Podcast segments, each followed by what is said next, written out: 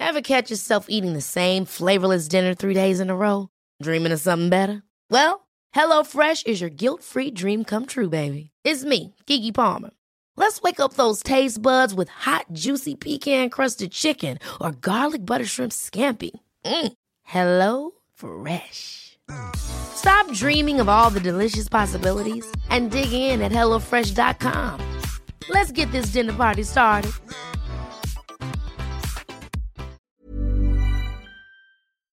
Att gå in, folk som inte förstår gå in i ringen, ja, det är, det är svårt att förklara men du vet, den där känslan är, så, den är o, alltså, oslagbar. Det går liksom inte att hitta någonting bättre för mig. Det handlar inte om att slå någon annan person, det handlar om att, så här, du, alltså du, du har de här, det är så mycket mentalt. Det är så jävla mycket mentalt. Det fysiska är ingenting jämfört med det mentala, mentala. För mig i alla fall.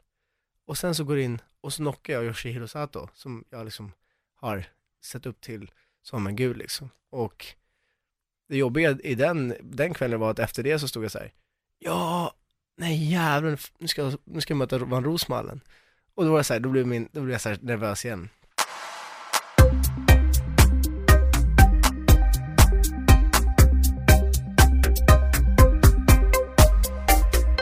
Sanny Dahlbäck, välkommen till Paul Podcast. Tack så jättemycket, kul att vara här. Ja, men kul att ha dig här. Och ehm, ja, för de som liksom inte nu råkar veta vem du är så får du möjligheten att göra en liten presentation av Mr Dahlbäck. Mr Dahlbäck, ja, Sanny Dahlbäck heter jag. Ehm, 27 år gammal. Uh, höll, på med thaiboxning och har gjort det sedan jag var eh, 15 år gammal ungefär. Så 12 år nu. Och eh, har tävlat ja, mycket i Sverige och väldigt mycket internationellt. eh, med fem SM-guld i bagaget, eh, uh, amatör nordisk guld, professionellt nordisk guld, uh, amatör världsmästarguld och professionell världsmästare. Det var lite jag.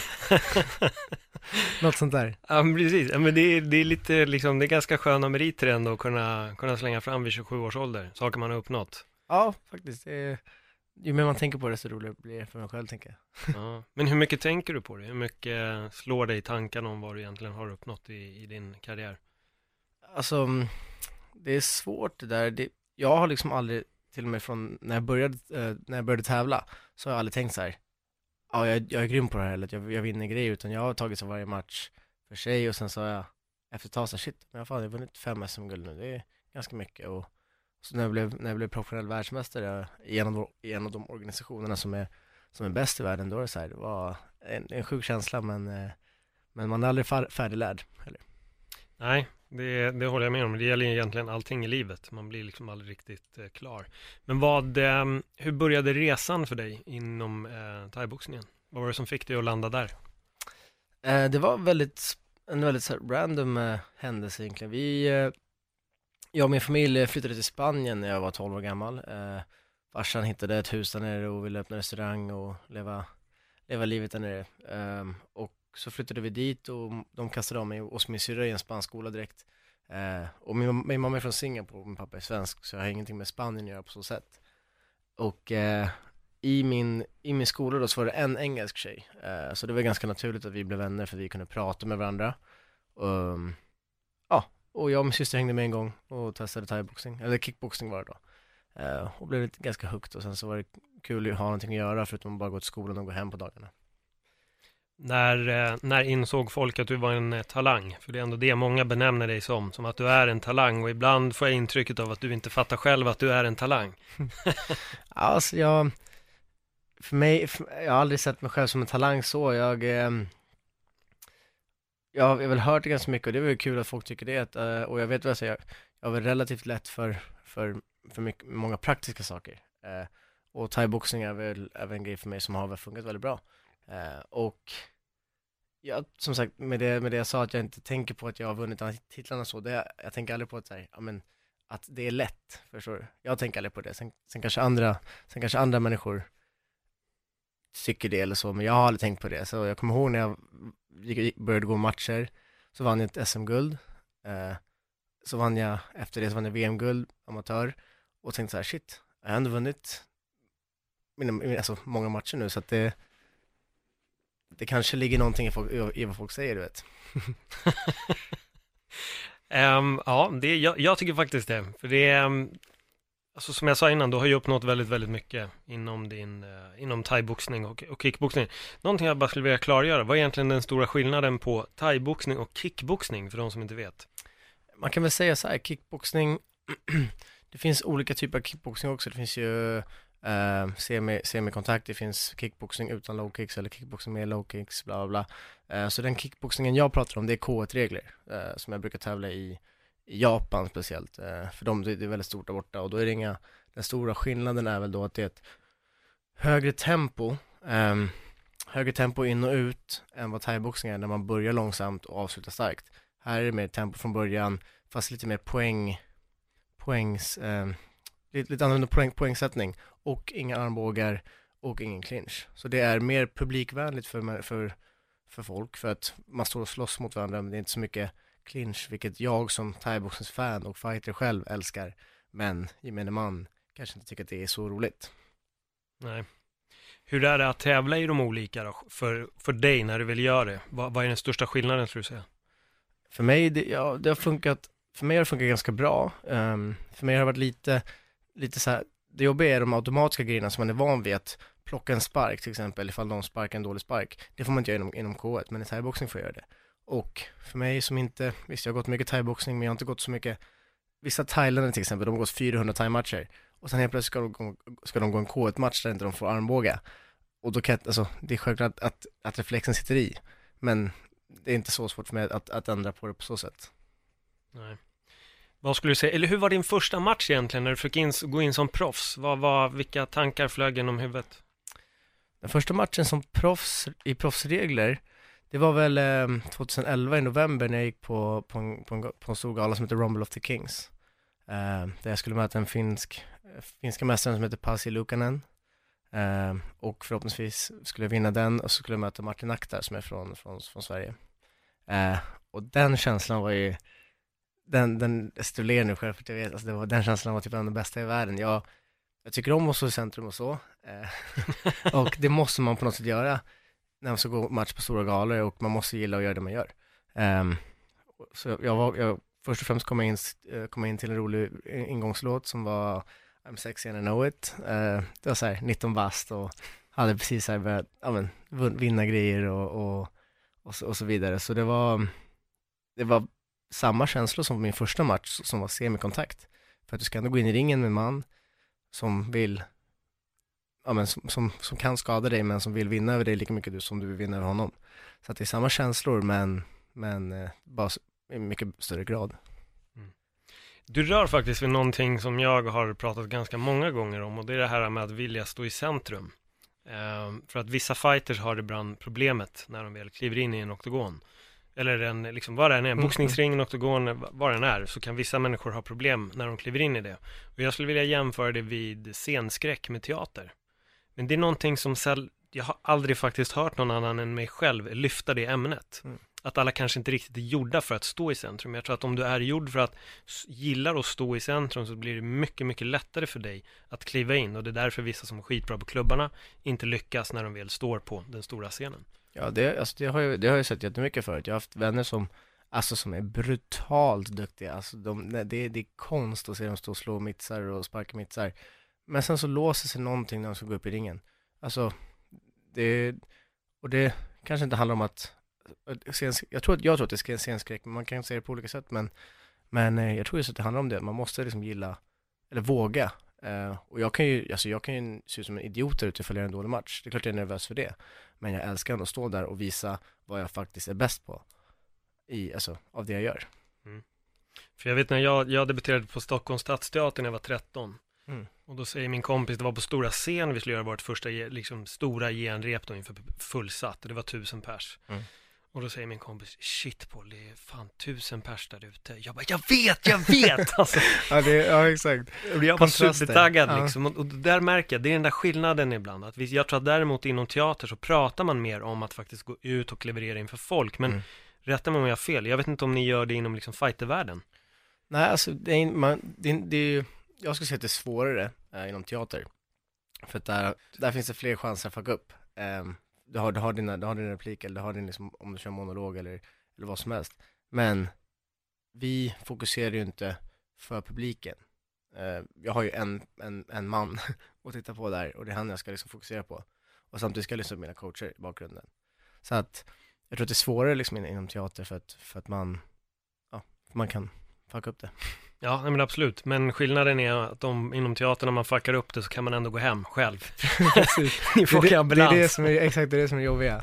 Det, är- det är små, små, små misstag, eller så här, finns inte rum för misstag, speciellt på den nivån som jag tävlar. Så man, man ska aldrig underskatta en motståndare och man ska fan, alltid, alltid vara liksom, vara, vara on the edge. Hur gick det mot eh, finnen i din debut?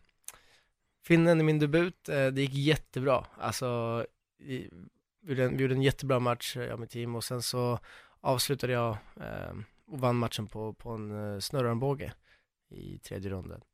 Och det var, ja men 19 bast vet jag, jag kände mig odödlig. Hela, hela hovet stod, stod upp och skrek. Det var, det var faktiskt en helt sinnessjuk känsla. Jag skulle jättegärna vilja uppleva den igen. Men du, och då fick du möta Martin Aktar då i, i nästa steg, eller? Exakt, exakt. Och då, så det var en fyramannaturnering den kvällen. Hur, hur gick det? För det är ändå väldigt intressant. Alltså Martin Aktar är ju en stor fighter ifrån Skåne. Du är ju en fighter från Stockholm. Men det Mm. blir då blir det de här äh, lite extra känslorna på. Det blir lite Real Madrid mot Barca-vibbar. Ja, alltså jag har all- alltid tyckt om Martin och har alltid respekt för, respekterat honom. Det var en rolig match och ehm, den gången så gick jag därifrån som vinnare. Den känslan då? Den känslan, eh, utöver att vinna två matcher på en kväll, första gången i en professionell liksom, arena, hemmaplan och bli, blev eh, professionella VMC, nordiska mästaren, det var, äh, det var, jag får gåshud bara att tänka på det, det var, så, det var helt underbart. Eh, väldigt svårt att förklara känslan men Ja, det var, det var, se, se liksom tränarna var så glada, alltså min familj och alla var bara överlyckliga. Och därefter så blev det ganska mycket skriverier om dig, om inte jag minns helt fel, så jag inte nu tänker på fel, fel period i din, i din karriär, men det blev lite fighter mag, det vart lite olika tidningar där du började uppmärksammas. Det blev mycket snack om Sanny Dahlbäck och din Mm. låt vart ju en grej också. Ja. Alltså det är kul, man, måste, man måste kunna skoja.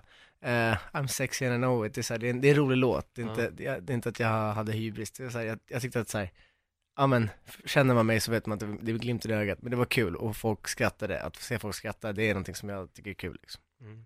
Jag kunde ju utnyttja det när jag var medhost på Kampsportgalan. Ja, Då sa jag att Exakt. I am sexier than Sunny Dahlbäck and I know it. exakt. Så jag kunde liksom exakt. utnyttja Jag det. kan eh, exakt, spinna, spinna på det, det skämtet. Vad skulle du säga har varit din tuffaste kamp inne i ringen? Vilken match menar du? Mm. Ehm, om man inte tänker relativt till liksom vilket motstånd man möter runt om i världen eller vilken ålder man är, då är fortfarande den tuffaste matchen Den tuffaste matchen för mig är fortfarande mot eh, David Tamer, båda gångerna. Eh, första gången jag mötte honom, då fick jag uppleva hur det, hur det är, alltså, då, då kände jag mig levande. Alltså, vi möttes ju första gången 2009 eh, i SM-final. Jag var 17 år, han var 19 och det var Stockholmsderby och då all, alla hans grabbar var där och alla mina grabbar var där. Och det var fem ronders krig. Alltså, Rickard Nordstrand sitter där och kommenterar och, och jag får sådana smällar och vet, vi utdelar smällar till varandra och han, han förstår inte hur jag inte kan gå ner av de smällarna. Det är helt sjukt, alltså det var, det var kaos där inne. Um, och det var så nervöst. Han hade lika gärna kunnat vinna matchen, men den här gången var det jag som tog det. Och den, alltså då var det mitt första SM-guld som jag vann där och det var Alltså jag hade så ont i min kropp efteråt. Alltså jag åkte ut till sjukhuset för att jag trodde att min käke hade blivit sned, men det var lugnt. Typ lite spänningar eller någonting. Men det var, det var, en, det var den sjukaste, match, alltså, sjukaste matchen jag gått i mitt liv. Vad tänker du nu när du ändå nämnde David Tamer? Jag tänkte han är ju i UFC nu, fightas och det, det du säger är ju det vi brukar kommentera faktiskt. Just han är en otroligt aggressiv eh, fighter. Alltså han skickar ju sparkar med, alltså han vill ju mörda folk med, med de sparkarna. Ja, ja det, det, det har jag känt två gånger och eh, jag har all respekt för honom och jag är jätteglad för hans skull att, att eh, han har tagit ett MMA där han är alltså så duktig. Inte bara stående utan att, att hans defense när han, när, han blir ner, när han väl blir nedtagen, vilket är väldigt få gånger, så kommer han upp snabbt som fan igen. Alltså det, det, och han har ju liksom den perfekta stilen. Han slår stenhårt, han sparkar hårt och, och framförallt har han hjärta. Hur återhämtade du dig efter den matchen? Vad, vilka liksom tankar fick du efter att ha gått en sån en tuff match där du, som du säger själv, du fick känna att du levde?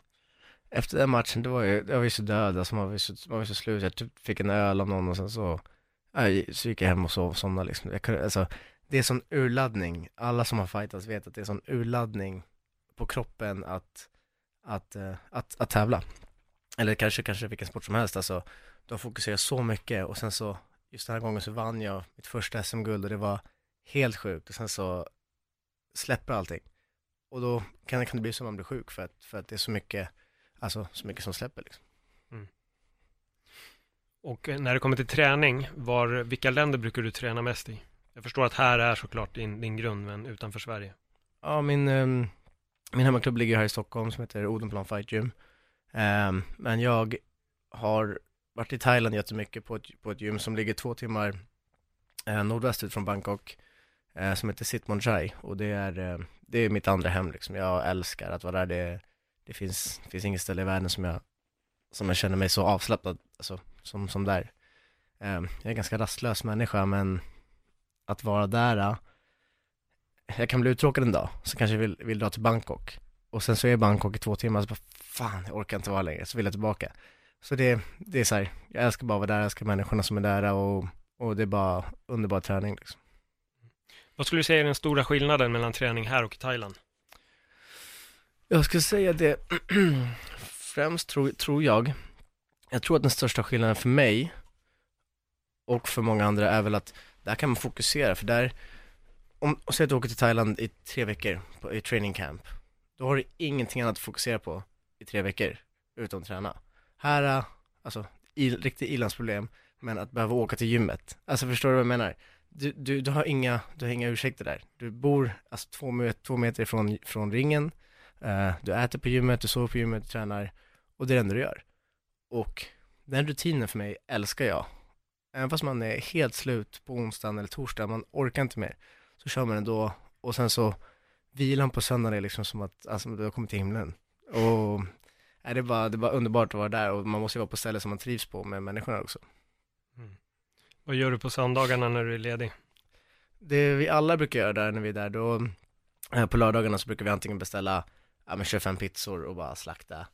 Och sen sova ut på lördag, på söndagen, eller så, ja, vi brukar träna, dricka bärs och, och hänga också. Och det är skönt, alltså jag tycker att så här, jag tycker, jag tycker öl är gott och det så här, man, man, man måste få, man måste få njuta lite grann av livet också.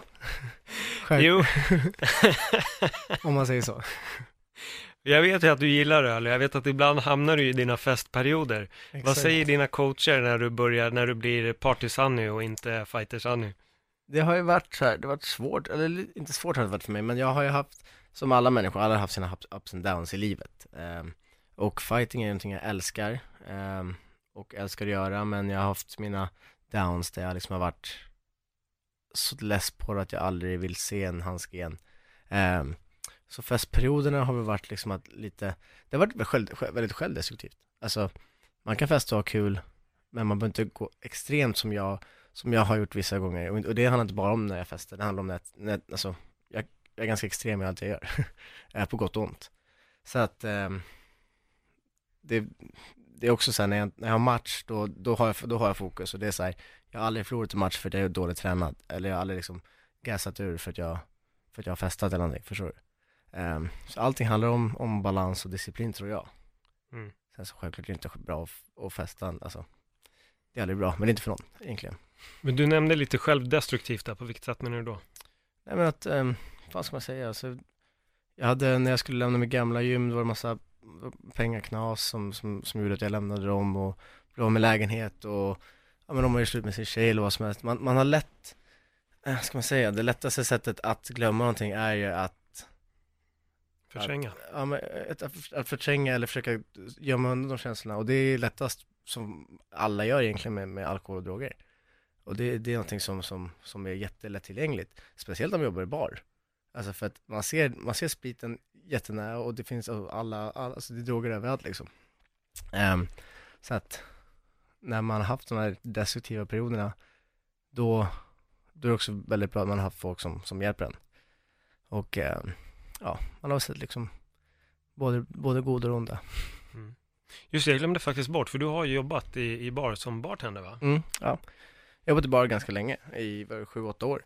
Mm. Ehm, och det är också så här, konstig grej när man tävlar på elitnivå. Men samtidigt så är det så här, det finns ingen ekonomisk det finns inget ekonomiskt stöd inom thaiboxning. Inom, inom MMA är det helt annorlunda. Men thaiboxning finns inte just det. Så när folk klagar på mig att jag inte tränar mer eller tävlar mer, jag tävlar mot de bästa i världen. Jag vinner inte titlar mot random människor, jag får bara stora namn. Och det älskar jag, för jag ser det som en utmaning. Eh, men om jag då måste jobba helg, alltså du förstår, det, det är svårt att balansera att vara elitfighter inom thaiboxning, alltså inte inom boxning eller med utan inom thaiboxning. Då måste du vara den absolut bästa, du måste vara Giorgio Petrosian för att kunna, alltså, livna dig på det. Um, så att för mig har det varit så här, bar har varit typ det bästa jobbet för mig för att jag har kunnat ta ledigt på kort varsel. Jag kunde ringa en kompis och säga, ja men kan du jobba i helgen istället för mig för jag ska till Thailand eller vad som helst. Och det har varit snabba pengar ifall jag kommer hem från Thailand, varit där i två månader, kommer hem tomhänt kanske, då, då har man lite dricks, så har man lite veckopeng istället för att behöva jobba en hel månad för att få, lån, för att få lön månaden efter det. Så man har försökt liksom, man har försökt pussla ihop livet så gott som man kan och det är, alltså, man lär sig liksom. Mm. det är mm. så man lär sig. Men hur ser, hur ser den ekonomiska grejen, ekonomiska biten ut inom thai och kickboxning då? Om det är, om du vinner allt hela tiden, alltså det finns ju turneringar som, som eh, 16 turneringar ofta, eller 8 turneringar på en kväll, där man går tre matcher. Eh, jag har varit med i Glorys, Glorys första var jag med i, eh, och så var jag med i eh, K, två av K1s eh, stora turneringar. Och första priset där, i K1 då, det, då var det typ 200-300 000 kronor. Och det är inte så mycket pengar. Det är mycket pengar om man tänker timlön på 9 minuter, ja. Eller 9, 9 27 minuter på tre matcher, självklart. Men det är inte så mycket pengar om du ska tänka på att, ja men ifall du skulle betala tränarna eller, och du måste också vinna de tre matcherna. Du kan möta den bästa fighten i första matchen och sen så kan andra sidan, andra polen vara mer lättare. Det är inga ursäkter men det är, det är svårt, det är jättesvårt med turneringar. Um, och Glorys första turnering, då var det, då kom jag till semifinal och då var det två miljoner kronor i prispotten eller i, i, i, i första plats. Andra plats var typ 400-500 000 uh, och vi fick typ 100 000 eller något sånt där. Så det var kul när man var, när man var 20 bast att, att få det, men uh, då måste man också gå galet varje månad för att få in de pengarna. Och det är svårt för man är ju skadad ett tag. Mm. Så det gäller att nå den absoluta toppen, för jag kan tänka mig att många också tror att oh jävlar nu är Sanni inne i det här, nu är det feta pengar. Mm. Men sen är verkligheten inte den. Man hör en summa och så glömmer man att det är skatt, det är coacher, en eventuell manager som är med där ja, och, och, styr och precis. roddar. Så det, det, det, man får göra runt om där det är väl att så här, ja men det är sponsorer som är, som är viktigt men folk kan ju vara ganska snåla när det kommer till sponsorer. eh, men det är väl också så här, ja men PT-elever, hålla pass och så här försöka, man får försöka göra liksom det man kan.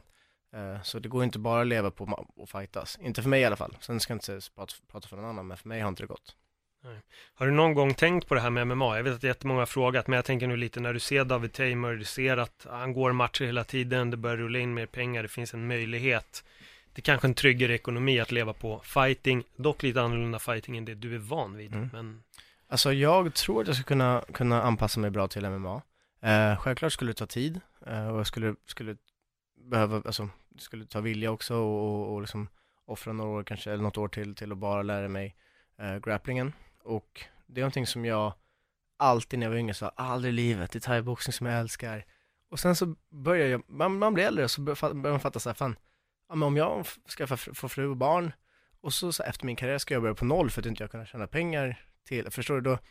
Det är ändå det som är det viktiga. Alltså att jag tycker det är kul och älskar thaiboxning just nu, det är asroligt, men vad ska jag göra efteråt? Um, så att det där aldrig har blivit ja, till kanske, till att säga, ja men fan det skulle, det skulle vara ganska kul, alltså jag tycker det är kul att brottas och så, och, och det är liksom, det är en helt annat game, men man har ju med sig liksom kroppskontrollen från, från fight, alltså från stående fightingen.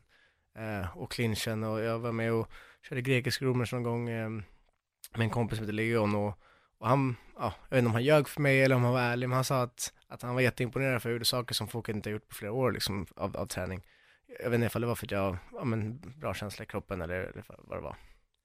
Så att, för, ja, för att svara på din fråga så, nu blir det väl mer så här, ja, börjar väl titta på det.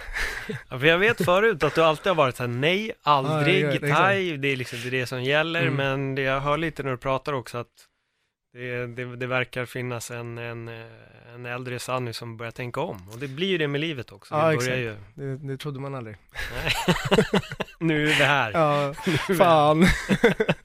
Men har du blivit på något sätt inspirerad av, av båda bröderna Tamer får vi ju nu säga, som ändå liksom har tagit det klivet och, genererar? Det något... Det är, det är många, det är många eh, thaiboxare och kickboxare som har, David och Daniel Tamer, eh, Hamza Bogamza, Sadu Bosi har kört lite, alltså, så att man, jag vet ju också att det, finns, att det finns pengar där. Och sen så handlar ju balansen om för mig, så här, göra för pengar och kärlek.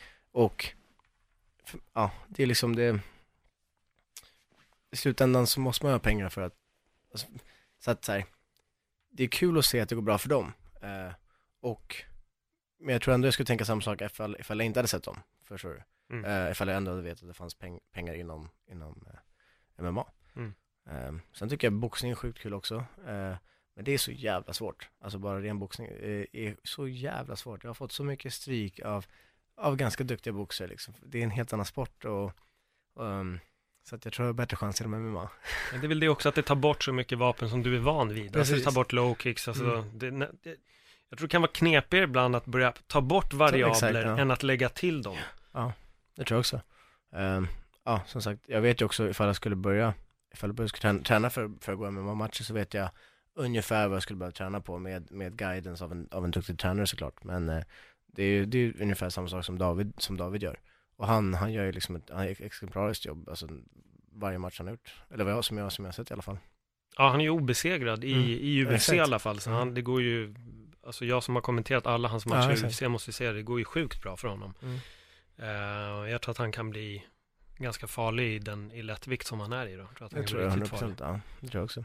Så vi får se. Ja men fan spännande, då kanske det blir en eh, Sanny Dahlbäck eh, MMA-vändning här, vem vet? Madison, Madison Square Garden. Dahlbäck versus Tamer i MMA. Uff, den hade varit sjuk, tredje, tredje gången. Den hade varit sjuk. Första gången med nya regler. Ja, sjukt alltså. Ja, det hade verkligen varit någonting rent ur ett svenskt perspektiv. Ja, hade det varit superspännande. Faktiskt, det var det faktiskt. Det hade varit riktigt spännande. Ja, nu ska vi inte hoppa händelserna i förväg. Nej, absolut inte. Absolut inte. Skämt åsido får vi ju såklart säga. Först och främst måste du göra din debut. Det är väl nummer ett. Sen måste du börja klättra i ranking. Ni båda måste befinna er i samma organisation. Exakt. Ja, men när ni är 55 tror jag att vi kan få Ja, till. exakt. Det löser vi. Precis så. Det låter skitbra. Men vad, vad gör du nu eh, mer än att liksom träna? Hur hittar du en liten eh, brytpunkt i livet? Bortsett då från kanske festa, men Ja. har du någon annan Nej, men, brytpunkt?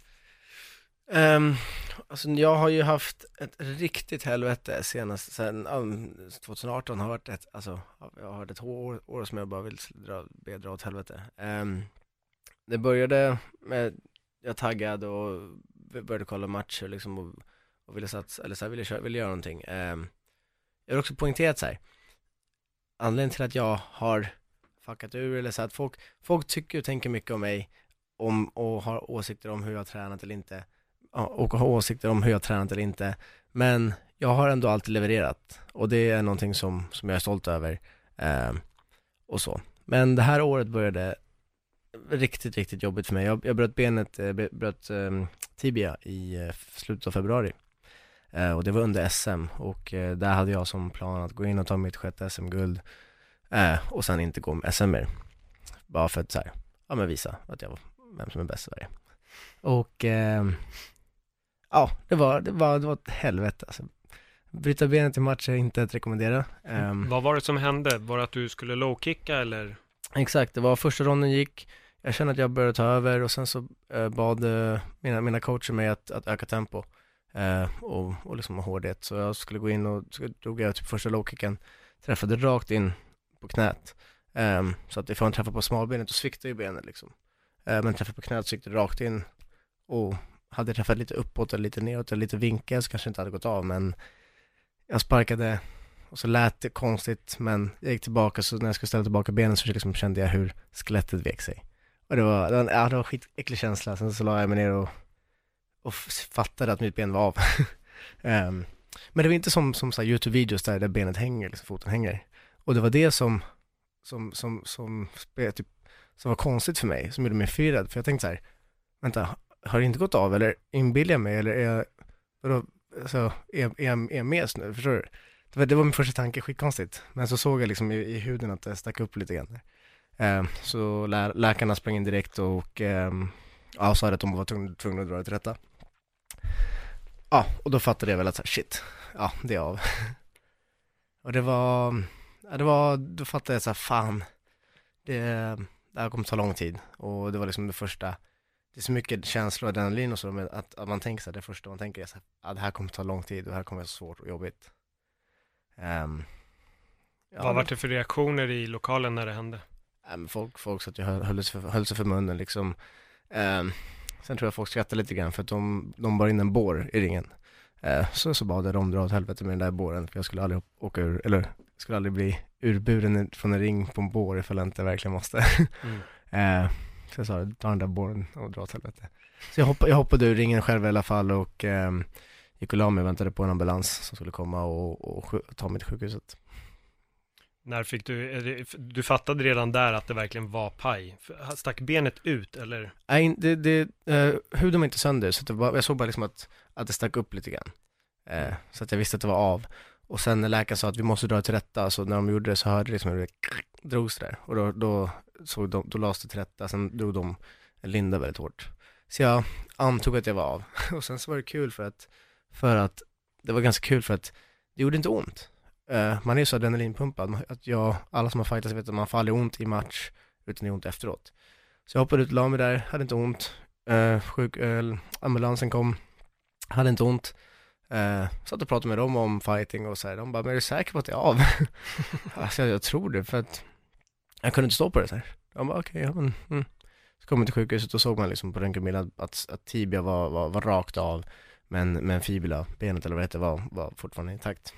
Och det är därför du kunde stå, eller det var därför du det var därför, att det inte böjdes liksom. Exakt, det var därför jag böjde som en pinne liksom att mm. Den andra, ena var av med andra blev som en pinne, så jag kände det innan jag ställde mig för mycket på det, så jag, så jag liksom ramlade ihop istället. Um, nej men det var, det var en riktigt lång natt och så här, bara en jobbig natt, man han tänker 45 000 gånger, fan jag borde inte ha sparkat där. Men det betyder också att så här, om man tänker så, då kommer man aldrig, kommer man aldrig kunna fightas igen. Nej. För jag, om man börjar tveka, då går inte. Efter det, jag vet ju att du har haft en rehabperiod nu. Jag följer ju ändå dig, har ju följt dig på sociala medier väldigt länge. Så jag har ju sett att du har fått gått runt med din skidpjäxa och, ja. och allt det där. Hur har det varit? För du sa att ändå att det här året har varit väldigt jobbigt. Så vad är det mer än det som har hänt? Ja, det, alltså, det, alltså när det här hände så, så, så fick jag gips först. Eh, så åkte jag tillbaka till, Stock, så kom jag tillbaka till Stockholm och eh, skulle diskutera ifall jag skulle opereras eller inte. Eh, och då kom de fram till att det är bättre att vänta med, att vänta med, eller ha gips istället i åtta veckor för att alla ingrepp är då, är, är, alltså det är inte bra att göra ett ingrepp. Då tänkte jag så här, shit vad jobbigt, ja men då får jag ha gipset i åtta veckor. Jag bara, off, jag kommer klättra på väggen efter två dagar, jag vet det, jag vet det jag själv. Så det är inte att man är sjuk, utan det är bara att benet är av, så jag kan inte röra mig, men huvudet är fortfarande samma. Så jag var riktigt, eh, riktigt less, men det var så här, kan jag göra vad jag bäst av det? Um, och försökte ändå röra mig så bra jag kunde. Jag hade inte ont i benet alls. Så jag, det här är, det här, det här, det här är liksom idiotsanne. Jag, men ibland när vi var ute och gick, eh, käkade på restaurang eller någonting så la jag bort kryckorna och försökte gå, inte, inte gå men så stödja med benet och så här. Men bara, man, jag begränsade av smärta så det, det gjorde inte ont. Så jag tänkte så här, men det kan inte vara någon fara. Um, tyvärr var det så att jag kom tillbaka till sjukhuset uh, en vecka senare för de ville se hur, hur, um, hur benet låg. Och då hade det liksom glidit ner, alltså så att då var det inte som jag trodde att, att gipset höll på plats till 100%. Men det var ju bara ren jävla idioti för mig. Så då beslutade de för att vi skulle mm, operera i alla fall då. Eh, och det kan jag berätta för dig, det vill jag aldrig att någon ska uppleva. Den smärtan, även fast jag hade ryggmärgsbedövning och inte kände av mina ben och jag vaknade efter operationen, det stack och det gjorde så ont. Jag, alltså jag ville, ville bara ta mig därifrån, det gjorde så ont i hela min kropp.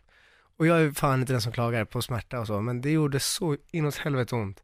Och så ligger man där, så stoppar man upp en jävla katet i, alltså det var, aj, aj, aj. Äh, det var inte kul.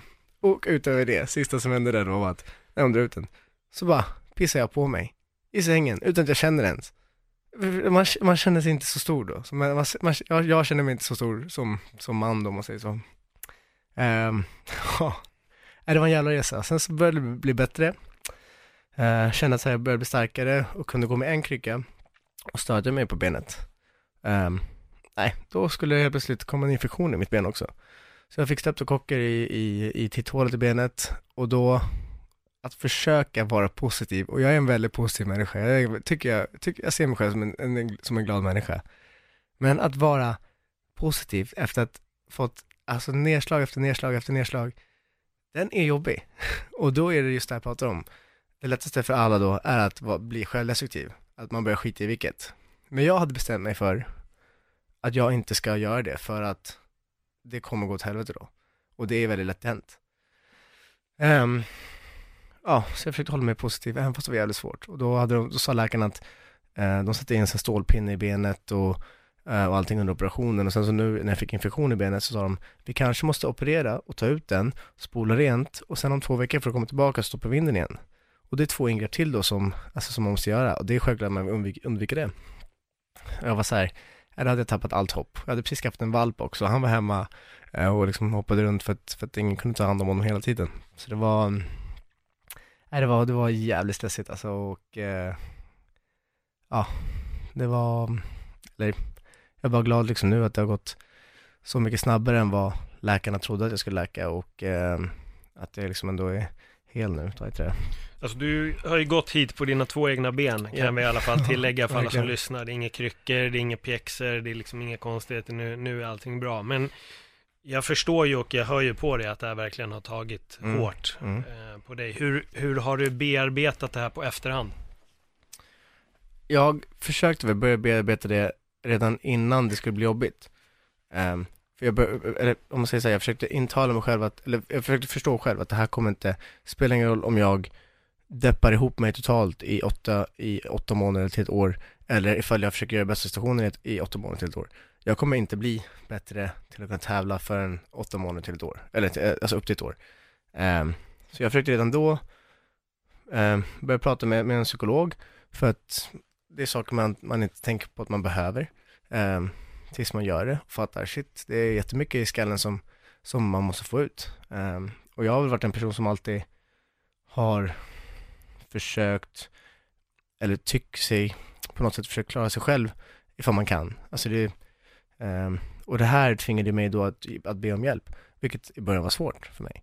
När man inte är van vid någonting, det är jättesvårt. Um, så under tiden liksom att bearbeta det här brutna benet och uh, från gips till operation, från operation till infektion, infektion till spola runt benet och så här. Det var, det var, just när jag fick infektionen var, var det, det var läskigt för jag hade kunnat liksom behöva amputera benet ifall jag inte hade ringt eh, 112. Och att ringa 112 för mig också, var också jobbigt, för man är ju dum i huvudet och inte vill be om hjälp. Och det var också sista gången som jag tänkte så här för mig själv att, nej, du ska fan inte vara så dum att, att du missade ett ben för, för att du inte vågar ringa. Förstår du? Varför är vi så rädda för sånt? Eller varför är du så rädd, rädd för det? Vad, vad tror du beror på att, att vi har den oron att, att våga be om hjälp? Jag vet inte vad det grundar sig alltså. det, det är svårt. Man kan säga att det att ja, man är man och man ska klara sig, men jag, jag tror inte det ligger i det. Alltså för mig har det varit så här, speciellt den här gången när, när jag tvekade på att ringa 112 var att ja, de har säkert viktigare saker än, än, än mig. Det här kommer jag klara. Förstår du? Det var bara så jag tänkte. Det var inte så här att jag inte behöver dem. Alltså förstår du? Jag, jag jag menar det väl, mm. men jag var också ensam i en stuga liksom och jag skulle inte fått hjälp ifall jag hade svimmat på fyra fem timmar. Alltså, så att det hade ju kunnat gå till helvete, för jag fick en blodförgiftning liksom. Ryan Reynolds här från Mint Mobile. Med priset på nästan allt som går upp under inflationen, trodde vi att vi skulle bring våra priser down. So to help us, we brought in a reverse auctioneer, which is apparently a thing. Mint Mobile unlimited premium wireless. Ready to get 30, 30, bit to get 30, bit to get 20, 20, 20, bit to get 20, 20, bit to get 15, 15, 15, 15 just 15 bucks a month. So, Give it a try at mintmobile.com/switch. slash $45 up front for 3 months plus taxes and fees. Promo for new customers for limited time. Unlimited more than 40 gigabytes per month slows. Full terms at mintmobile.com. Ready to pop the question and take advantage of 30% off? The jewelers at BlueNile.com have got sparkle down to a science with beautiful lab-grown diamonds worthy of your most brilliant moments. Their lab-grown diamonds are independently graded and guaranteed identical to natural diamonds, and they're ready to ship to your door. Go to BlueNile.com to get 30% off select lab-grown diamonds. That's BlueNile.com for 30% off lab-grown diamonds. BlueNile.com. Som var, som var, som var brutal. Um, och till och med, alltså när jag ringde 112, eh, så ringde de, så ringde de och, och bad om råd, för jag tänkte så här, "Ah, det här gjorde så ont, mitt ben gjorde så ont, det pulserade liksom från höften hela vägen ner. Eh, och frågade, vad, vad kan jag göra? Jag har bara Alvedon hemma. Eh, De bara, för, för råd så ska du ringa eh, 11, 70, 11, 11, vad är det man ringer då? 1144 Ja, jag vet eller jag vet inte heller. Mm. Men, och då säger jag så här, okej men jag ringer dem och frågar rå- om, om Göta istället. Och sen så precis, precis innan jag ska lägga på säger hon, men hur mår du? Och jag ligger där och hyperventilerar. Jag ligger där och gråter och svettas och liksom kan inte prata nästan. Och jag säger så här, det, ja, jag mår bra, men det gör så ont så jag, jag kan inte vad jag ska ta vägen. Och då är det, är det hon jag pratar med i telefon som, som typ räddar mitt ben och säger att ja, vi kommer skicka en ambulans till dig. Och det, är- det är mycket känslor när jag pratar om det här för att jag tror inte jag hade bett honom om en ambulans och då hade jag kanske kunnat svimma. Och hade jag svimmat så hade jag legat där i någon, några timmar utan att innan mina vänner kom hem som åkte skidor. Alltså det är bara så här, mycket saker som, som, som, man, som man fattar eller som man börjar tänka på. Ehm, Var var du någonstans? vi var uppe i Åre. Vi har en stuga där uppe, så jag, eh, jag och grabben åkte upp dit och jag tänkte, jag kommer inte kunna åka skidor i alla fall, men jag skaffade min hund precis så jag kan ligga och mysa med honom i, i stugan och grabbarna kan åka skidor. Så en dag när de åkte då så, så fick jag så ont i mitt ben. Ja. Ja, men ambulansen kom. Ambulansen kom efter en och en halv timme för de var tvungna att åka från Östersund förbi Åre bort till Handel där vår stuga, stuga ligger. Eh, och jag låg där och alltså det är ju, jag låg och kved, alltså jag låg och verkligen trodde, äh, det, var, det var sjukt när jag pratade om det efteråt, men mina, mina fingertoppar började domna, började domna av. Så jag trodde det var en blodpropp. Och jag har ingen aning om hur blodproppar funkar. Så om man tror att det är en blodpropp, det är som att googla sina symptom. Man tror man ska dö. Mm. Och det var precis det jag trodde. Och att så här, ligga där, jag fast jag kanske inte var nära döden, men att ligga där och tro det, alltså det, folk, kan, kan, folk kan kalla mig dum i huvudet, men det var det jag trodde. För jag hade ingenting, alltså jag hade ingen bättre att tro. eh, så mina fingertoppar började domna av och jag tänker, äh det här är sjukt, nu kommer, nu, nu, nu, nu, nu går natt liksom. Eh, så jag ringer 112 igen och säger att mina fingertoppar börjar domna av, men då säger hon eh, att det är för att jag hyperventilerar. Och då ber jag mig andas långsammare och då gör jag det. Till slut så kom eh, ambulansen och, och gav mig allt de hade i bilen så jag antingen svimmade eller somnade. Jag vet inte vad jag gjorde. Nej, det var, usch, det var riktigt, riktigt, riktigt. Det var en jobbig, jobbig, jobbig jävla dag. Hur reagerade dina vänner? När du, eh, hur, hur fick de reda på det? Alltså, hann de komma till stugan eller? Ja, de, de, jag messade dem, jag skrev så här, jag ringde sa att, att jag hade så ont liksom och de, de fattade väl inte, vem, vem förstår att man har förutom mig själv på så sätt. Så jag sa att jag hade så jävla ont i benet. Eh, så sa de så här, men ta det lugnt liksom och, an, och lägg dig och vila typ. Eh, och så sa de, om det inte går över så får du ringa till två. Och eh, sen när jag hade ringt till två så, så messade de och skrev att jag, jag måste sjukhus, jag ringde till två. Eh, men Iggy får inte följa med min lilla Bobbe. Han fick inte hänga med då. Eh, så han fick vara kvar hemma och han var nio veckor då bara, så han var ju väl skraj i en och en halv timme, en timme. Men de kom hem och tog hand om honom. Ehm, och det var också en jobbig grej för mig. för att så här, ja men lämna en liten valp där själv liksom, det är väldigt kul. Eh, till att säga, men sen så låg jag inne på sjukhuset en vecka. Eh, ja det, ja, jag gick ner 12 kilo sammanlagt. Jag, väger, jag är inte stor, jag väger, 70, jag väger 76 i vanliga fall. Jag gick ner till, ja men 60, 66 kilo typ ja, 65, något sånt där. Det var också en jobbig grej. Eh, ja, och sen så fick de åka ner med, med min hund till, till Stockholm med bil och jag fick åka ambulansflyg eh, till, ja, det har varit ett riktigt helvete, ni, ni hör, ni hör hur mycket, hur, hur jobbigt man har haft det, men ja, också viktigt att påpeka att jag tycker inte synd om mig själv. Det är inte det, jag eh, vet att så här, ja, det här kommer hjälpa mig på något sätt. Och jag har liksom försökt hålla mig stå, hålla, mig, hålla hakan uppe. Men jag tror också alltså, vi får motgångar i livet Mm. och alltså det handlar inte om att tycka synd om sig själv. Jag tror att också många gånger måste man kunna vara väldigt ärlig och det är du nu. Mer att det har varit ett helvete och Mm. det får vara det. Mm. Precis som det får vara fantastiskt när du vinner någon jättestor Mm. match och du kan ta värsta äran och du kan liksom vara stolt över dig själv. Så finns det också stunder då man faktiskt fan måste få tycka synd om sig själv. Ja. Jag tror att om vi stänger den dörren, alltså om du kan hylla dig själv men inte kan tycka synd om dig själv, då blockerar du en känsla som är motsatsen av den andra. Och det är inte fel liksom. Det är Nej. lika rätt att släppa ut glädje och sorg. Mm. Jag tror att så fort vi gör det som du säger, att du börjar stänga in och sen vågar du ändå be om hjälp, det är skitviktigt. Jag tror att folk som till slut exploderar och hamnar snett är ju de som också stänger den här jobbiga känslan. Man sitter och säger att allting är bra trots att det är skit. Ja, Men man jag kan sitta och säga att allting är skitbra när det är skitbra. Exakt, exakt. Då kan vi skryta med den känslan, men vi vågar liksom inte riktigt släppa ut den där i ett helvete. Men du gör det ju nu. Alltså, tack för att du liksom vågar Ja, det, det, öppna det, upp dig. det, är stort, det, är en, det är en stor grej för mig. Och det Ja. är jag stolt över att jag eh, har lärt mig med mig själv. Alltså, jag är bara 27 men jag är ändå 27, förstår du? Alltså, jag ser inte mig som, ser inte mig som gammal någonstans, men, men du vet, insikt kommer till en, spelar hur gammal du är, alltså, när man är 55 kan man komma till insikt med någonting, men jag har verkligen fattat så här, vissa grejer med mig själv och, och eh, min hund har ju varit en av de, alltså, min, han är min hjälte. För att utan honom så hade jag, jag vet inte vad jag hade tagit vägen för att, vad, så här, jag dör för honom verkligen på alla, alla sätt. Jag, han har verkligen varit så här, jag fick honom precis när jag bröt benen typ. Mm. Eh, han var lite, så liten, han kunde inte gå så långt, det var kallt ute, jag, kunde, jag hade båda kryckorna. Eh, och se honom bli större och starkare samtidigt som jag blir större och starkare. Ja, det, är- det är underbart. Ja, Jag förstår det. Jag ser att du är väldigt emotionell när du pratar om det också. Hur länge har du varit frisk nu?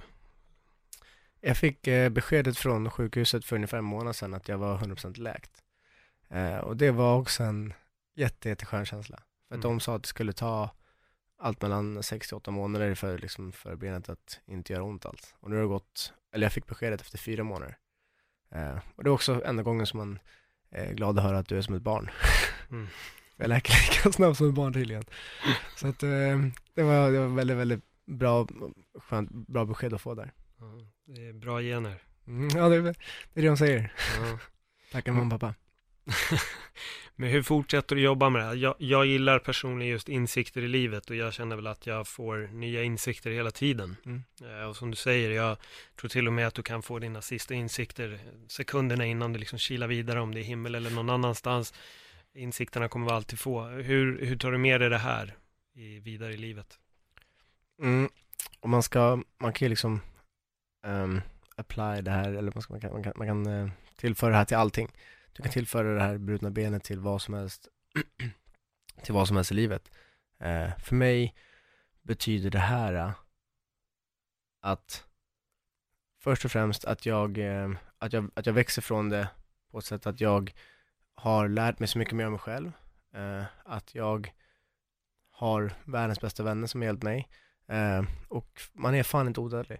Alltså det, det, är en, det är en sak som jag först och, främst, först och främst lärde mig i min första förlust när jag var, när jag var eh, 19 eller 18 bast. Eh, gick 15 matcher obesegrad med SM-bagage, med SM-guld i bagaget. Eh, och, och förlorade på knockout. Jag trodde liksom att jag var, att jag, ja, jag trodde jag var gud då. Men där lärde mig det och eh, med den här grejen så, så, så vet jag att så här, jag, vet, jag vet att jag är en väldigt, väldigt stark människa. Eh, även fast jag hatar det ordet ibland. Att, och jag hatar att behöva vara en stark människa. Så vet jag att jag, om jag vill, så, om jag vill någonting så, så, vi- så ger jag mig fan på det. Och då, ja, och det här är bara någonting som, som är under ett år. Ehm, men jag kommer komma tillbaka starkare och jag, eh, jag är liksom, jag är tillbaka ändå. Det är ändå, det är ändå helt sjukt. För jag trodde aldrig att jag skulle kunna gå efter, efter fyra månader liksom ute och springa eller thaiboxa sen. Så jag sparkade mina första vänster low kicks för några dagar sedan. Det var också sjukt. Hur var det efter allt? För det är ju så sjukt egentligen om du, hela den här historien du har berättat. Alltså allting börjar ju med en low kick. Mm. Det är den krassa sanningen. Allting började med en low kick och, och det ledde till de här extrema komplikationerna. Så hur kändes det att få sparka din första low kick? Med allt det här liksom Ja. i bakhuvudet. Det var, alltså, det var lite läskigt. Nej, läskigt, jag ska inte säga att det är läskigt. Jag ska säga så här. Jag är så sugen på att köra. För att jag vill inte, det enda jag ser fram emot är min första match efter skadan. Jag skiter i tio matcher efter, jag vill se fram emot den första matchen efter skadan. För det är där liksom allting bedöms, för mig i alla fall. Om den går bra, vare sig vinst eller förlust. Om jag börjar tveka med sparkarna, då har jag ett problem.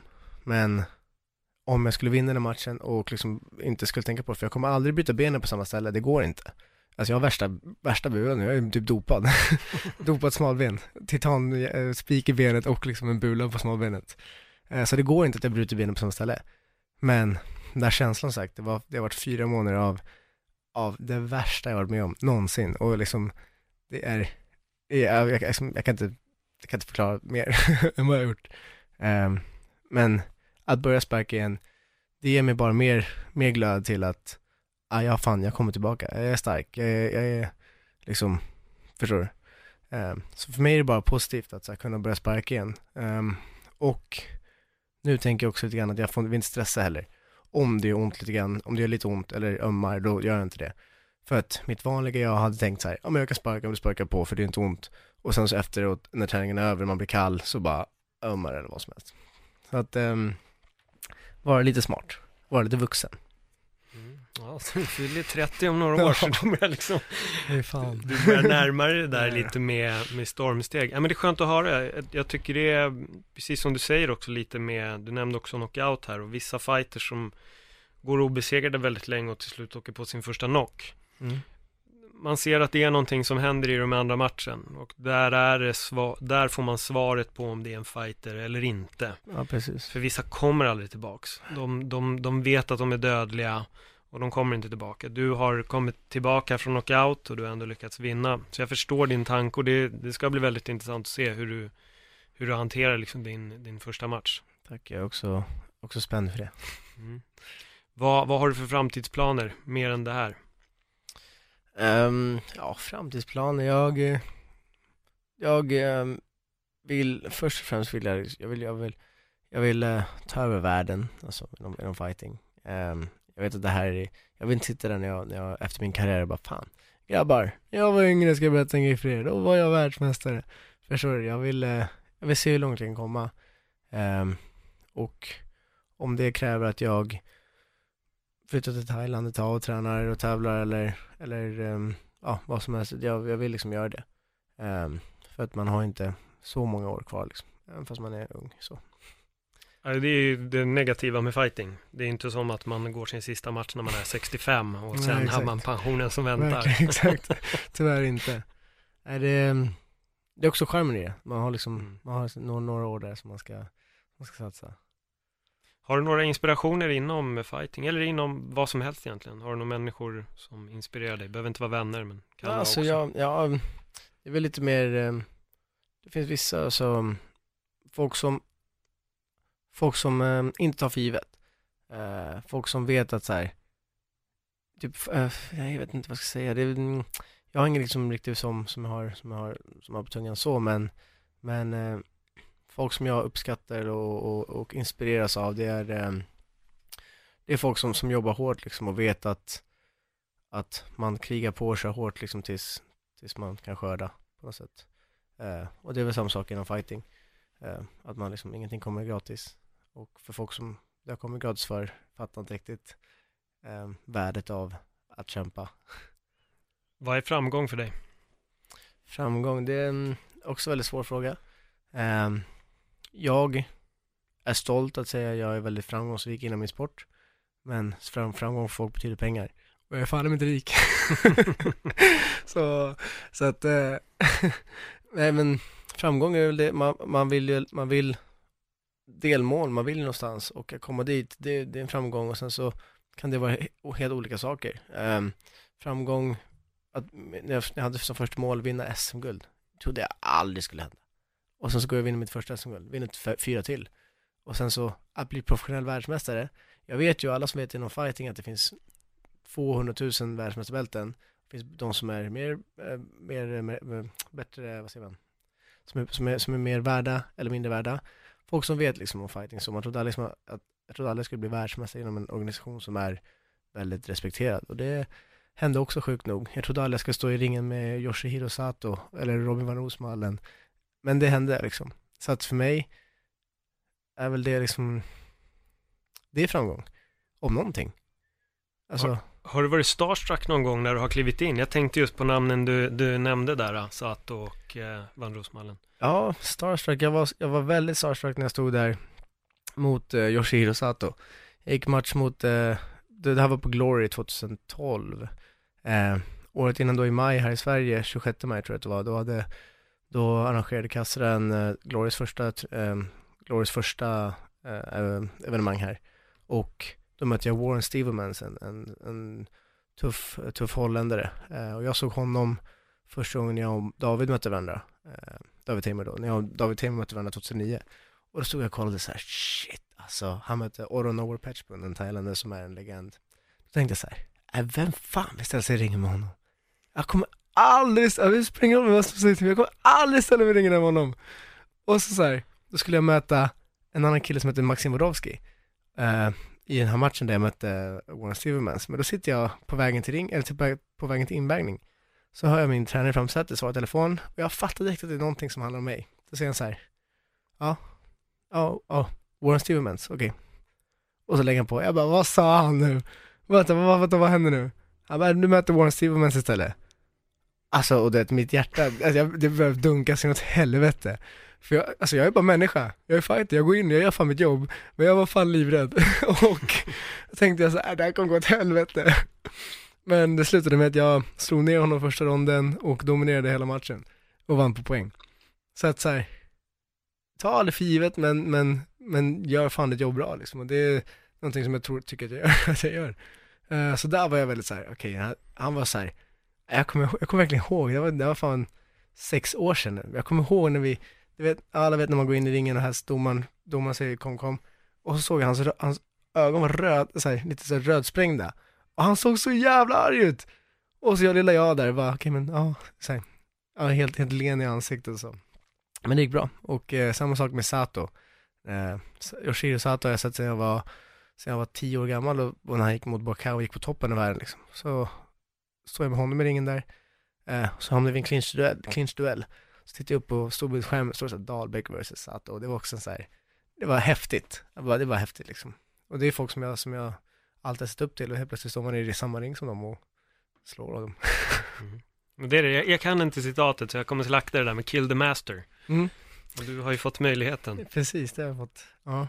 Hur, hur kändes det efter, alltså så dagarna efter, eller när det hände, när du väl vann? Vad, vad, liksom, vad for igenom ditt huvud då? För från att ha haft den här Oh shit, liksom, mm. jag ska in och möta den här snubben och hjärtat börjar slå till att stå där och fan, oj, vänta, jag besegrade honom. Den matchen med Sato, då, då var jag, då blev jag den andra personen i hans karriär att knocka honom och det var Eh, det var Bokao innan mig som hade knockat honom då. Och det är för mig som att döda en gud liksom. Alltså, alltså förstår du, med mina bara händer. Så att det, det var en sån känsla som, det, det, det, att gå in, folk som inte förstår gå in i ringen, ja, det, det är svårt att förklara men du vet den där känslan är så, den är o, alltså, oslagbar. Det går liksom inte att hitta någonting bättre för mig. Det handlar inte om att slå någon annan person, det handlar om att, så här, du alltså du, du har de här, det är så mycket mentalt. Det är så jävla mycket mentalt. Det fysiska är ingenting jämfört med det mentala, mentala. För mig i alla fall. Och sen så går det in och så knockar jag Yoshihiro Sato som jag liksom har sett upp till som en gud liksom. Och det jobbiga i den, den kvällen var att efter det så stod jag så här, ja, nej jävlar, nu ska, jag, nu ska jag möta Van Rosmallen. Och då var det så här, då blev, min, då blev jag så här nervös igen. Um, så att det var, det var äh, jävligt häftigt, men sen så när jag gick in med Rosmalen, det var också häftigt ut. Um, och det var så här, jag förlorade den matchen, men jag möter en av de bästa i världen. Och gjorde en bra match mot honom, så att så här, det, det är ingenting man behöver skämmas för. Vad är, um, har du tankar på att komma tillbaka? Hur, hur mycket kör de förresten nu för tiden? Är de där tävlingarna kvar? Gloria, de, de, Sofia Olofsson var ju med nu i... Ja, men jag tänkte turneringsmässigt. Turneringsmässigt, ja. De har ju, jag tror de har fyra turneringar då och då. Och sen så tror jag att de har en gång per år har de, jag tror inte ens de har, jag vet inte om, de har åtta turneringar längre. Nej, jag är lite osäker ja, på det. Jag vet inte, samma här. För jag vet att de har, jag fick reda på att de har, de har tre liksom kort på, på, per, per event. Eh, så de har typ Glory World Series, eh, Glory någonting och sen så Glory 58 som är nu i Chicago tror jag, eller vart det är någonstans, jag vet inte. Eh, men jag vet inte hur mycket, hur mycket turneringar de kör så. Japan i K1, där kör de en turnering varje år eh, för, för, för att krona liksom K1-mästaren. Men jag hatar turneringar, för det är, jätte, alltså det är jättesvårt. Eh, jag, är jag är ingen poängfighter, jag liksom går in och vill knocka. Och eh, då är det svårt att, att, att gå turneringar, i alla fall för mig. Det var faktiskt min följdfråga där, där kom svaret. Ja, jag hatar det. Nej men det är, det är svårt för att, som sagt, jag ska, jag ska aldrig ursäkta mig själv. Men säg att du får, om, rent logiskt, säg att det, det, det är fyra pers ena, fyra pers andra. Säg att de bästa två ligger i samma pool, eh, och sen så, sen så får de möta varandra i första matchen. Och båda har, det var den bästa matchen, det, var, det hade kunnat vara finalmatchen, men det är den bästa matchen. Men då är båda skadade, till exempel. Och sen så måste du efter det gå en till match, och då är det redan ont.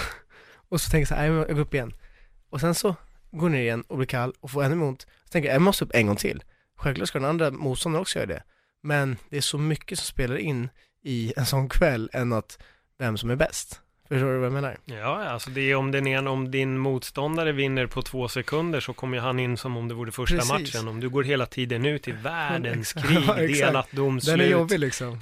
då går man in på väldigt olika där. förutsättningar. Det är sv- svår balans det där och eh, ja det är, jag hatar det alltså.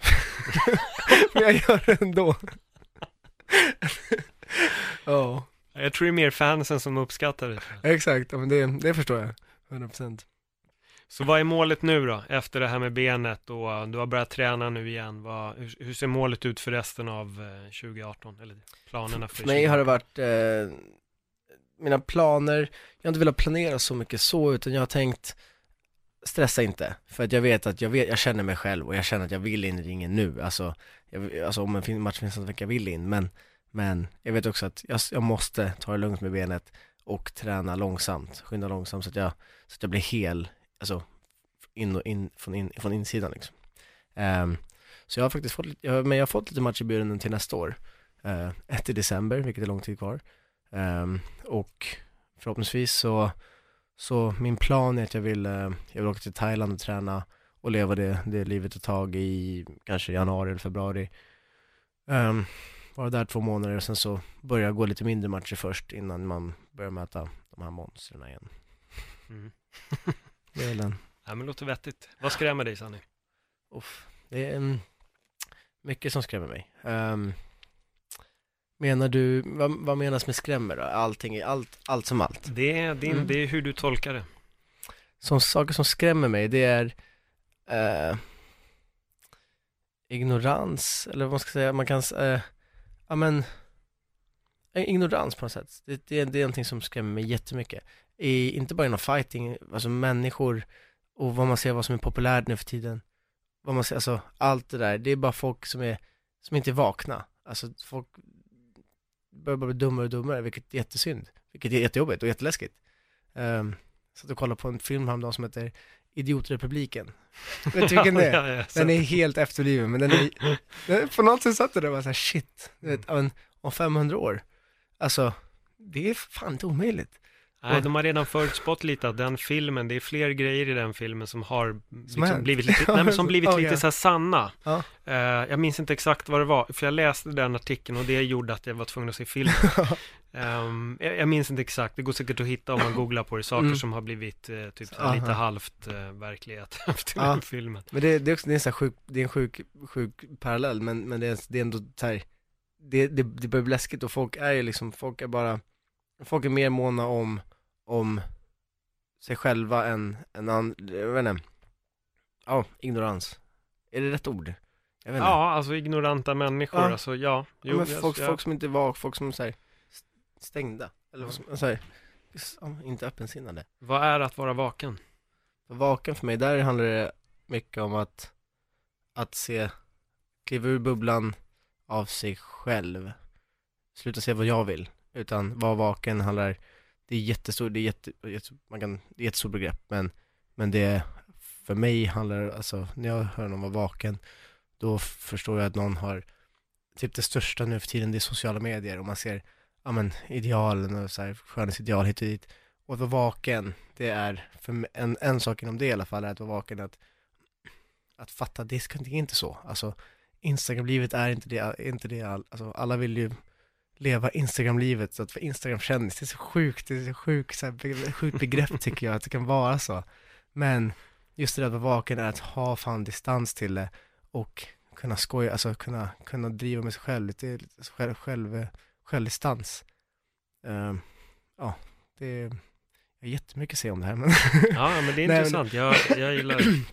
Nej men det är, ja som sagt vaken. Det är bara att se, se saker från, från, från ett annat perspektiv än, än sig själv liksom, på något sätt. Lurar vi oss själva eller lurar vi andra människor genom Instagram? Eh, vi lurar först och främst andra människor. Eller, alltså jag, jag, jag ska inte leka ett helgon, jag är ju också det. Alltså jag var, jag var borta och jobbade lite utomlands eh, för några månader sedan och så här, folk som skrev så här, jag var ute på, på ett, eh, på ett, event, ett, event, ett eventjobb, förlåt. Jag var ute på ett eventjobb eh, och det enda jag filmade är liksom när vi bodde och stranden när vi inte jobbade. Men, och folk sa shit vad lever du för liv, hit hit. Och det är klart det är kul så men men man, jag, jag, jag krigar på hemma också så det är inte så här, det är inte bara det jag gör och det, det här var jobb men man, man filmar ju bara och visar bara det man vill att folk ska se.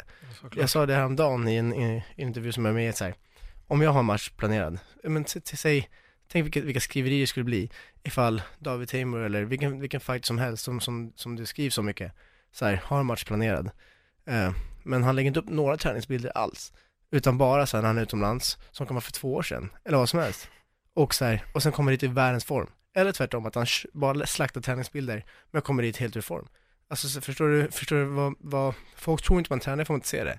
Nej. Vilket är, så- det är så sjukt, så att så här, man lurar ju alla andra till vad man vill, först och främst. Jag håller med dig, jag har nämnt det här i podden några gånger, men för mig, jag hamnade i en period i livet då jag ville i princip göra mig av med alla mina sociala medier. Mm. Och då fick jag liksom jobbet på, ja, man kommenterar MMA och sånt, Mm. och helt plötsligt blev jag mer än någonsin tvungen att använda Ja. mina sociala medier. Vilket var skitjobbigt. Mm, jag. För jag ville egentligen bara skippa allting. Nu är jag jättetvungen att använda mina medier och jag Mm. använder dem egentligen på tok för lite. Men jag tror däremot att under den perioden så har jag blivit, om jag säger desto mer nu offentlig person som jag har blivit, desto mer privat är jag på mina sociala Mm, medier. mm. Man ser en yta liksom, att Ja. jag kanske gör en sak eller jag kanske råkar äta en maträtt eller är med en viss person. Men jag släpper aldrig in folk liksom på det som egentligen är Paul. Nej. Eh, för den gränsen vill jag nog personligen ha. Sen tror jag att alla som lägger upp svinmycket ändå lägger bara upp en, en bild av vad man ska se. De Exakt. lägger aldrig upp verkligheten som klassiken Instagram-relationer. Det är skitbra. Exakt. Sen helt plötsligt Precis, gjorde de slut. Och så bara, Exakt. vänta, Va? va? Exakt, vad hände? Det såg ut att må så bra. Mm. Nej men det var ett helvete. Alltså, Ja. Och det, det är ju så, alltså det är tyvärr är så, det är dit världen är på väg, eller världen är. Och jag är en del av det. Alltså, men jag hoppas i alla fall att jag försöker visa, alltså alla sidor, att jag, att jag inte, att folk inte uppfattar mig som självgod eller så här självkär, självdistans, alltså självdistans är viktigt för mig. Jag tycker det är kul att folk ska, få folk att skratta. Men folk är bara för seriösa och för upptagna i sig själva. Inte alla, självklart inte alla, jag ska inte dra alla, alla människor i samma kan, men, men folk är bara för, ja, många är- bara för, för mycket liksom inne i sig själva. Och det är tragiskt tycker jag. Vad gör du för att komma ur dig själv? Finns det någonting speciellt som du gör för att kunna gräva lite djupare i, i allting? Läser du eller? Nej, det är, jag vill börja läsa, men att man säger att, man vill hjälper ju inte någonting. Ehm, så jag, det, det som hjälpt, har hjälpt mig jättemycket sen, sen benet och allting som jag kom tillbaka till igen är, är psykologen som jag pratade med. Eh, det, var- ja, det, var, det var tabu förut att prata med psykologer, att man, man tyckte man hade, eller folk tyckte trodde att man har problem för man pratade med psykolog och så, men, men hon har hjälpt mig jättemycket, alltså eh, med mig själv och det är väl det, det jag, jag försöker göra, är väl bara, hon sa en jättebra grej till mig en gång, det var så här, ja men när det blir, jag kan bli så arg ibland om man liksom exploderar eller vad som helst, innan du blir så arg, så här, försök, tänk för dig själv, ja nu ska jag agera vuxet. Och det är för mig, jag vet inte, så här, för, för andra kanske inte betyder någonting, men för mig var det så stort att så här, agera vuxet, det är så här, okej, det, det, det öppnade liksom en hel ny värld för mig av hur jag skulle kunna reagera på olika saker. Um, så att det är väl det jag försöker, jag försöker alltid tänka på, ja, hur jag kan göra saker annorlunda eller hur jag kan göra saker bättre eller, um, och jag älskar att vara på landet och så här, och bara försöka tänka mer. Ehm, för man tänker inte så mycket när man är i stan med mobilen i handen och hörlurar Nej. mig. Ehm, så att- Konstan, konstanta bruset. Ja men precis, man är alltid där och man, och ens attention span på, alltså det är två sekunder långt, man pallar liksom inte, man fokuserar liksom ingenting. Ehm, så jag har sagt att jag vill börja läsa, men jag har inte gjort det än. Ehm, och, ja, typ såhär till och med funderar på att flytta ur, flytta ut från stan liksom, för att Mm. såhär, ja men, Bara, Vart, vart skulle du vilja bo? ja det är svårt, det är svårt. ehm, det, är det måste ju gå ihop med, med, med gymmet jobbet, och alltså jobbet och, och äh, Odenplan Fight Gym då. Eh, inte, nej, inte jobbet, utan gymmet. Ehm, men jag, jag tycker jättemysigt där, där min pappa bor, han bor i Hökarängen, liksom bort vid Skönstaholm, Farsta, där det finns fint vatten och så. Ehm, men det är ingenting, jag, jag inte kollat på det så, så noga än, så att eh, det kommer dröja lite grann. Ja, men det handlar om att ändå stanna i Stockholm. Ja, alltså, jag skulle jättegärna vilja flytta utomlands ett tag, ehm, men ja, försöker, försöker bara tänka på vad man vill göra. Nu är man en så här, nu är jag i alla fall i något, ste- i något skede i livet där jag vill, där jag börjar tänka på vad, vad, vad jag vill göra och vart jag vill vara. Mm. Vad gör dig arg? Finns, ehm, Vad gör dig arg när du känner att när den här tanken kommer in att fan, jag måste agera vuxet? Vad är Ja. det? Eh, det kan vara jätteolika saker. Jag eh, kan bli jättearg och ledsen. Eller nej, jo, ilska för mig har alltid varit någonting som har kommit ifrån att jag varit ledsen eller besviken eller vad som än hänt så har jag alltid gått över till ilska. Eh, men jag har aldrig varit aggressiv, det är inte det, utan jag var bara så arg så jag vet inte vad jag ska ta vägen och typ vill dra därifrån. Ehm, men någonting som gör mig arg det är att när jag, när, när jag känner mig orättvist behandlad.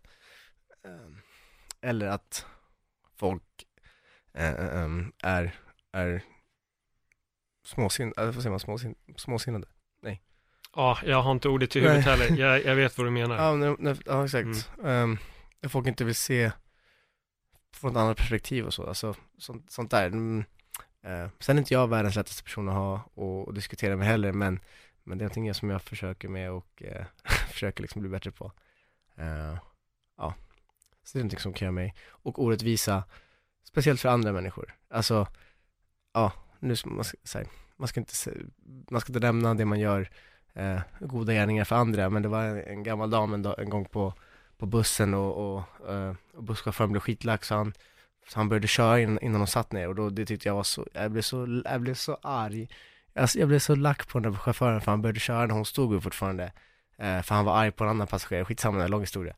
Eh, men då blev jag så jävla så jag var, jag var tvungen att gå dit och säga till honom och sen, jag var så här på en, en lavett, men jag, jag höll mig och han, och folk men så här, amerikansk film applåderade efteråt, det var skitkonstigt. Men det var skönt för mig för att jag blev så lack på att, på att hon inte hade gjort någonting och så började han köra och var på att ramla och kunde bryta höften och vad som helst. Mm. Nej, sånt där kan man göra, göra mig jättearg när folk, när folk är orättvisa mot andra utan anledning. Mm. Nej, men det är bra. Då har du hjärtat, hjärtat på rätt plats. Sist men inte minst, om det finns någon eh, ung person där ute som eh, har en dröm om att bli en eh, framtida Sanny Dahlbäck, vad skulle du ge för råd?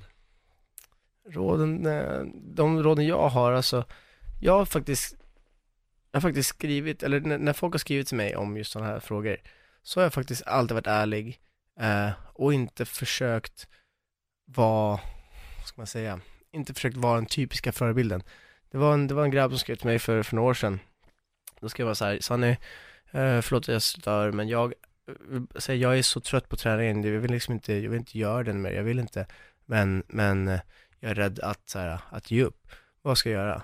Och då så här, det vanliga då, det logiska jag tänker är att så här, fan kriga på, kör, ge inte upp. Ehm, men då skrev jag så här till honom att, lyssna du kommer ha, kommer ha både så mycket, mycket bra och mycket dåligt med träningen. Och om det känns så dåligt just nu, ta en paus. Och jag hoppas verkligen att du hittar tillbaka till det. För att du, om, du mår bra, om du mår bra av det, så, så, liksom, så gör ju det. Men jag vet själv, alltså när man, när man tränar och inte mår bra, det är ju jobbigt jag kan göra. Jag var på mitt gamla gym, alltså jag, jag hatade att gå ner dit i slutet innan jag bytte. För att det var så mycket, mycket liksom tension och drama runt om. Så jag ville ju, var ju så här nära på att sluta liksom thaiboxa, alltså, med, alltså överhuvudtaget. Ehm, och då tog jag just den pausen. Och det var välbehövligt, för sen åkte jag till Thailand och tränade och fattade varför jag gjorde det och var det var jag älskade. Så, ehm, ja det var det jag skrev till honom att ta en paus, alltså gör någonting annat så länge. Och jag hoppas verkligen att du hittar tillbaka till det, för att det är någonting som, som du älskar. Har du hört något mer från honom sen? Det har jag faktiskt inte. Eh, jag tror inte det, eller jag ska inte säga ja, för jag tror inte, jag är inte säker. Mm. Eh, men eh, det, det är an, alltså vissa andra som har skrivit, det, och det är kul, och det skriver, då skriver ju självklart så här, ja men, ja men det är jobbigt, men, men kör på. Eh, och så, men jag, jag är stolt över att så här, jag är ändå ärlig. Jo, men jag tror det är viktigt. Jag tror ibland så också, så, så, så det kan bli lite klyschigt att bara kanske säga, ja men kör på, kämpa på, bla bla bla, det kommer bli bra. Men sanningen för den här personen kanske också är så enkel att det kanske inte är det här han vill. Nej, nej precis. Och då kanske det är bättre att ta en paus, kliva åt sidan och om det Och finns känna- där, exakt. då kommer han komma tillbaka. Ja, men för, ja, jag kommer ifrån lite, frågan lite grann, förlåt, men, men eh, för mig är det sagt, ha, ja, du måste ha kul, du, du måste må, det kommer inte alltid vara kul att träna för att du kommer ha, vara så trött och så slut och, och vara så less på det, men måste så här, ha kul och vara fokuserad, för fokusen är någonting som, som för mig i alla fall när jag tränar, eh, det är allt. Folk som ser mig träna säger att alla personer som har sagt någonting om när de ser mig träna, nej, någonting som alla har sagt när de ser, ser mig träna är att de ser min fokus. Och det är någonting som jag är stolt över. För jag vet att när jag tränar då har jag alltid, alltså ögonen, då är jag fokuserad. Och jag kan aldrig hålla PT-träning för någon som är ofokuserad, som har, som är här eller tänker på vad de ska äta sen. Så att ha kul och vara fokuserad, det är liksom de, de största, alltså, de största grejerna för mig i alla fall. Mm. Nej, jättebra svar. Eh, Sanny, jättetack för att du kom hit. Stort tack för att du delar med dig och att du faktiskt vågade gå in, på de här sakerna som jag får en känsla av att du gärna hade stängt dörren för. Om det kanske hade varit för ett år sedan så hade du kanske inte varit, vågat vara ärlig med det här. Det, det uppskattar jag jättemycket. För det är ändå sanningen i livet, det är att vi har alla våra negativa grejer och det är väldigt viktigt att det kommer fram. Istället för att bara säga att nej men det var en, jag bröt benet och nu är jag Mm. bra. Du, Mm. du har varit jätte, jätteärlig med att det faktiskt drog ner dig extremt. Och eh, det behöver folk få höra. Jag har haft smärtläkare och en psykoterapeut här och det glädjer mig att du vågar prata om det här för, för många gånger så vågar folk inte det. Men du har Mm. varit ärlig, du har öppnat upp ditt hjärta och det tackar jag dig för jätte- jättemycket. Tack så jättemycket för att jag fick komma och, och berätta hela min historia. Eh, Ja. Det är någonting som jag har babblat på om hela året, men, men det är liksom det som har tagit över hela mitt liv, eller, eller det här året. Så att, eh, jag tror det är viktigt för folk som sagt, som du säger, att, att fatta det. Alltså, och att man ska få må dåligt och man kan liksom ja, komma ut till slut. Jag tycker det med och jag tycker det är stort av dig att våga, Tack. våga vara ärlig i det här sammanhanget. För det är som sagt väldigt lätt att man bara stänger dörren för det. Mm. Så stort tack Sanny. Och eh, till alla er som har lyssnat och eh, ja, ifall man inte redan följer dig på, på något sätt, var hittar man Sanny Dahlbäck? Ehm, Det är Sanny Dahlbäck, um, ett ord på Instagram och på Facebook och på ja, Twitter så, eller vad det finns. Um, Sanny S-A-N-N-Y Dahlbäck D-A-H-L-B-E-C-K. Bra, tack så jättemycket. Tack, tack. Och till alla er där eh, här ute, om ni gillade det här avsnittet så får ni jättegärna dela det på era sociala medier. Hej då!